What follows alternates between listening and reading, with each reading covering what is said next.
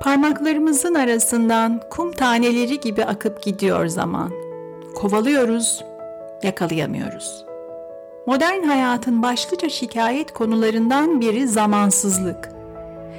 Peki ya anları geri kazanmak ve zamanı çoğaltmak mümkünse? Ve çözüm dakikaları, saatleri yönetmenin ötesinde zamanla kurduğumuz ilişkide gizliyse. Merhaba ben Ahenk. Her bölümde psikoloji, edebiyat ve felsefenin rehberliğinde insan olmanın anlamını, hayatın anlamını ve mucizevi beynimizi keşfe çıkacağımız Mutlu Beyin podcast'ine hoş geldiniz. Tekrar merhaba. Zaman kavramı olmadan hayatta hiçbir şeyi planlamak mümkün değil. Bir plan yaparken zamanı unutmak mümkün değil. Çünkü her plan bir yanıyla zamanı planlamak demek. Podcast'in bir önceki bölümü planlamanın gücü ve hayatımıza kattığı mutluluk ve özgürlük üzerineydi. Planlamadan bahsederken kaçınılmaz olarak zamanı hatırlamak zorundayız demiştim. İnsan bilincinin dokusuna işlemiş bir kavram zaman. Bizi diğer tüm canlılardan ayıran temel özelliklerimizden biri zaman bilinci. Hayat yolculuğumuza rehberlik eden, bizi uçsuz bucaksız olasılıklar arasında yönlendiren bir pusula zaman bilinci. Hayvanların da doğuştan gelen ilkel bir zaman duygusu var. Mesela arılar güneşin konumunu kullanarak yön bulma yeteneğine sahip. Bu yüzden gün batımı yaklaştığında akşam oldu diye kovanlarına, yuvalarına geri dönüyorlar. Birçok göçmen kuş türü uzun göçler sırasında yine güneşin hareketlerini hatta yıldızların konumunu takip ederek yön buluyorlar. Deniz kaplumbağaları okyanusları aşıp yıllar sonra aynı yuvalama kumsallarına geri dönüyorlar mesela. Ve bunu yaparken güneş ışığının sudaki açısını, yoğunluğunu kullanıyorlar. Yarasalar, baykuşlar gibi gece hayvanları, hatta yalnızca hayvanlar değil, gece olduğunda yapraklarını kapayıp gün doğumuyla birlikte tekrar çiçek açan bitkiler. Tüm bu canlılar bir tür zaman duygusuyla yaşıyorlar. Biyolojik saat dediğimiz o iç saatin yönlendirmesiyle, içgüdüsel bir zaman sezgisiyle hayatta kalıyorlar ama hiçbiri insan beyninin zaman bilincine sahip değil. Bizler zamanı yalnızca gün ışığı ve mevsim değişiklikleri gibi içgüdüsel ipuçlarıyla ölçmüyoruz. Hayvanlardan farklı olarak zaman algımız anlık hayatta kalma dürtüsünün çok ötesinde. Hem geçmişi düşünüp araştırmamıza hem geleceği hayal edip planlar yapmamıza olanak sağlayan bilişsel becerilerimiz var. İnsan beyni öyle müthiş ki anılarımızı kronolojik olarak düzenlememize ve gelecekteki olayları tahmin etmemize olanak veren mekanizmalarla donatılmış. Ama çok önemli bir gerçek daha var. Zaman algısı sabit bir algı değil. Zamanı her durumda aynı şekilde algılamıyoruz. Duygusal halimizden, kişisel tecrübelerimizden, o anki dikkat kapasitemizden etkilenerek farklı şekillerde algılıyoruz zamanı. Neşe anları hızlı geçer, sıkıntılar ağır aksak sürüklenir. Beklerken zaman yavaşlar, yetişmeye çalışırken hızlanır. Dişçi koltuğunda geçirdiğimiz yarım saatle Sevdiğimiz diziden bir bölüm izlerken geçip giden yarım saat aynı değildir. Zaman algımızı etkileyen başlıca unsur içinde bulunduğumuz duygusal durum. Özellikle korku, stres, heyecan gibi güçlü duygular söz konusu olduğunda dikkatimiz o duyguya yoğun olarak yöneldiği için zaman hızlanmış ya da yavaşlamış gibi gelebilir. Korku mesela dikkatimizin daralmasına yol açan bir duygu. Korku duyduğumuzda tehdide, tehlikeye odaklanıyoruz ve bu dikkat daralması zaman algımızı bozabiliyor. Siz de duymuşsunuzdur, tanıdık bir ifadedir bu. Büyük tehlikeler atlatan kişiler bir trafik kazası, yüksek bir yerden düşme, boğulma tehlikesi gibi şiddetli korku yaratan tecrübeleri hayatım gözümün önünden bir film şeridi gibi geçti diye tanımlarlar bazen. Mecazi bir ifade bu, bilimsel bir gerçekliği olmadığı söyleniyor ama şu var. Beyin alarma geçtiğinde dikkat o kadar keskinleşiyor ve farkındalık o kadar yükseliyor ki zamanı yoğun olarak genişlemiş gibi algılıyoruz. Korkuyu yaratan tehlike karşısında hayatta kalabilmek için beynimiz mümkün olduğunca bilgi toplamaya uğraşıyor. Tam da bu yüzden güçlü duygularla tecrübe ettiğimiz duygu yüklü olayları daha fazla ayrıntıyla birlikte daha iyi hatırlıyoruz. Şu bilgiyi de eklemek istiyorum. Güçlü duygular adrenalin gibi stres hormonlarının salınmasına yol açıyor. Adrenalin duyularımızı daha keskin hale getiren ve etrafımızda olan bitene ilişkin algımızı kuvvetlendiren bir hormon. Adrenalin yüklü anlarda zamanın uzuyormuş gibi gelmesinin sebeplerinden biri de bu. Zaman algısını etkileyen bir başka temel duygu can sıkıntısı. Can sıkıntısını ruhumun üzerine çöken, görünmez, soyut bir ağırlık gibi düşünüyorum ben. Geçen her dakikanın farkına vardığımız bir boşluk, bir çoraklık. Saniyeleri dakikalara, dakikaları saatlere uzatan bir yavaşlık hissi. Buna karşılık mutlu, eğlenceli, heyecanlı anlarda zamanı bambaşka yaşıyoruz. Çünkü bize zevk veren anlarda zamanın akışını izlemekle meşgul değiliz. Mutlu anlarda iyi duyguları yaratan tecrübenin kendisiyle meşgulüz. Bu yüzden mutlu saatler, mutlu günler uçup gider ya da bize öyleymiş gibi gelir. Çünkü zaman farkındalığımız azalır. Kısacası zamana ilişkin algımızı şekillendiren başlıca unsur duygusal durumumuz. Geçen bölümde duygusal tepkilerimizi yönetmek için faydalanabileceğimiz bir psikolojik stratejiden bahsetmiştim. Özetle şuydu o strateji. İçinde bulunduğumuz her durumu farklı düşüncelerle yorumlayabiliriz. Her durumun nasıl bir bakış açısıyla göreceğimiz, hangi düşüncelerle yorumlayacağımız bize kalmış. Durumdan kastettiğim yalnızca başımıza gelen olaylarla sınırlı değil. Hayatımızdaki insanlar, onlarla kurduğumuz ilişkiler, kendimizi nasıl gördüğümüz, kendimizle kurduğumuz ilişki. Tüm bunlar hakkında ne düşüneceğimiz bizim kontrolümüzde.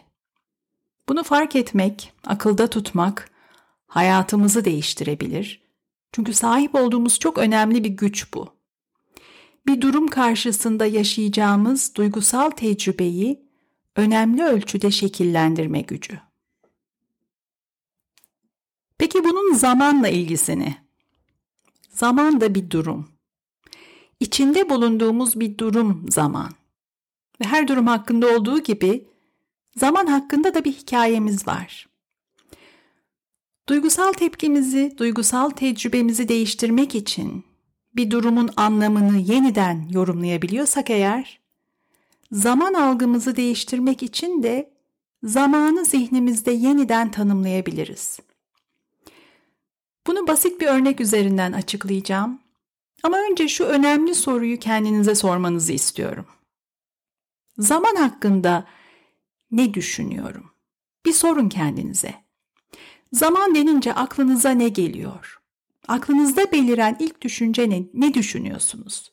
Hayatınızı yapmak istediklerinizi, tamamlamak, başarmak istediklerinizi aklınıza getirdiğinizde zaman kavramına ilişkin nasıl düşünceler var zihninizde? En basitinden kendinize şunları sorun. Zamanım az mı çok mu? Zamanım var mı zamanım var, yeterince zamanım var duygusuyla mı yaşıyorum? Yoksa zamanım yok, zaman yetmiyor, yetişmiyor duygusuyla mı? Sonra spesifik bir amaç getirin aklınıza. Başarmak istediğiniz bir şeyi, erişmek istediğiniz bir hedefi hatırlayın. Kısa vadeli olabilir, uzak geleceğe ait uzun soluklu bir proje, bir hayal olabilir. Hatırlayın ve en baştaki soruyu tekrarlayın. Bunu yapmak için Bunu başarmak için zamanım var mı? Şimdi zaman hakkında iki zıt düşüncenin hayatımızda nasıl bambaşka sonuçlar yaratacağını göstermeye çalışacağım. Mümkün olduğunca net hale getirmek için net, somut bir örnek üzerinden yapalım bunu. Mesela okumam gereken 100 sayfa var ve düşüncem şu. Zamanım yok. Bunu yapmaya zamanım yok. Bunu yapmak için zamanım çok az. Yetişmez. Bunları düşündüğümde nasıl hissederim? Okumam gereken 100 sayfa var ama bunu yapmaya vaktim yok. Nasıl bir duygu yaratır bu düşünce? Bir dinleyin kendinizi. Yapmam gereken bir iş var. Bitirmem gereken bir iş var. Ama zamanım yok diye düşünüyorsunuz. Ne hissedersiniz? Stres, endişe, bıkkınlık, bunalım. Bir tanesini seçelim. Stres olsun. Stres hissettiğimde, strese girdiğimde bu durumda nasıl davranırım? Bunu fark etmek önemli çünkü yaptığımız her şeyi bir duyguyla yapıyoruz. Stresliyken nasıl davranırım? Birçok şey mümkün. Belki bu rahatsız duygudan kaçmak için işi ertelerim. Başlamamak için bahaneler yaratırım. Vaktim yok diye diye bir türlü başlamam. Stresin etkisiyle kendime olan güvenim sarsılır. Belki yapamayacağım, başaramayacağım düşüncesi daha da güçlenir. İş gözümde büyür. Gözümde büyüdüğü için başlaması zorlaşır. Sonuç olarak zaman algım daralır ve zamanım azalır. Bir bakıma gerçekten zamanımın olmadığını ispatlamış olurum kendime. Gelelim buna zıt bir düşüncenin yaratacağı duygu ve davranışlara. Durum aynı. Okumam gereken 100 sayfa var. Ama bu defa yaklaşımım çok farklı. Zamanım var diye düşünüyorum. Zamanım yeter. Halledebilirim. Buna zaman ayırabilirim. Böyle düşündüğümde, duruma böyle yaklaştığımda nasıl hissedeceğim? Bir kere stres değil. Aksine bir sakinlik belki bir ferahlık. Hatta daha kontrol ve güç sahibi olduğumu hissettirecek bu yaklaşım. Peki bu duygularla nasıl davranacağım? Böyle hissettiğimde nasıl davranırım? Daha sakin, daha güçlü hissederek. Sakinlik kafamın netleşmesine, işleri daha akıllıca planlamama yardımcı olabilir. Kendime duyduğum güven güçlenir, daha sakin bir şekilde düşünür, planlarım. İyi bir plan başlamamı kolaylaştırır, ertelemem. Sakinlik dikkatimi güçlendirir. Dikkatim dağılmayacağı için okuyacağım her sayfayı belki daha hızlı okurum. İş kolaylaşır, zaman çoğalır. Zamanı kullanabilmek, zamanı nasıl görüp yorumladığımızla zamana dair zihnimizde taşıdığımız hikaye ile doğrudan ilgili.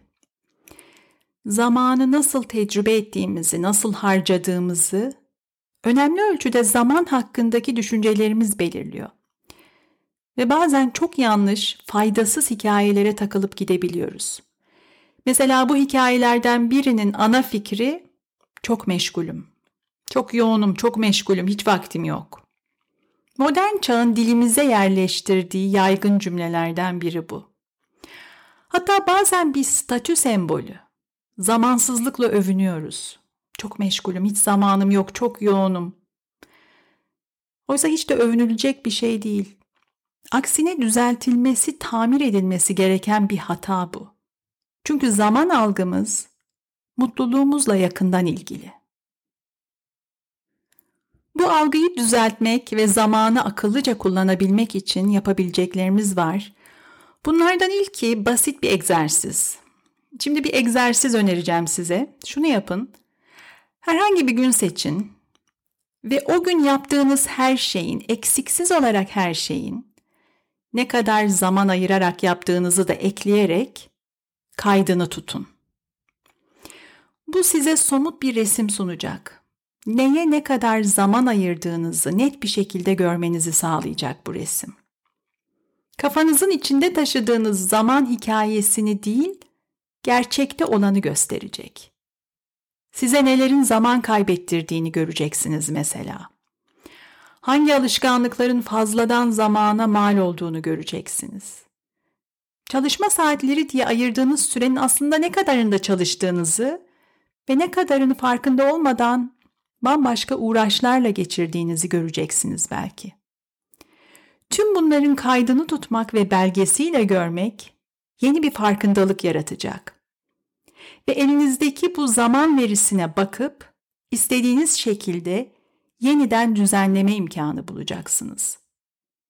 Zamanı yeniden görüp düzenlemek için, zaman algımızı iyileştirmek için bir ilk adım olabilir bu egzersiz.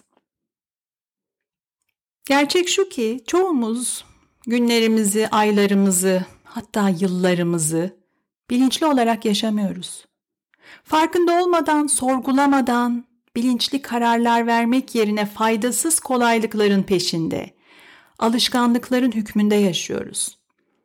Ve zamanın elimizden kayıp gitmesine izin veriyoruz. İşin ilginç yanı bir taraftan da hiç durmadan zamansızlıktan şikayet ederek yapıyoruz bunu. Ve az önceki o 100 sayfa örneğinde gördüğümüz gibi zamanım yok dedikçe zamanımızı azaltıyoruz. Zamanı çoğaltmanın ilk adımı öncelikle zamanı nasıl kullandığımızı görmek. Çünkü bir şeyi değiştirmek, iyileştirmek için önce gerçekte olduğu haliyle durumun farkına varmak gerekiyor. Geçirdiğimiz her an varlığımızın bir parçası. Zamanla kurduğumuz ilişki, kendini tanımanın, kendini keşfetmenin de bir yolu aslında. Bizim için nelerin öncelikli, nelerin anlamlı ve değerli olduğunu keşfetmenin yolu.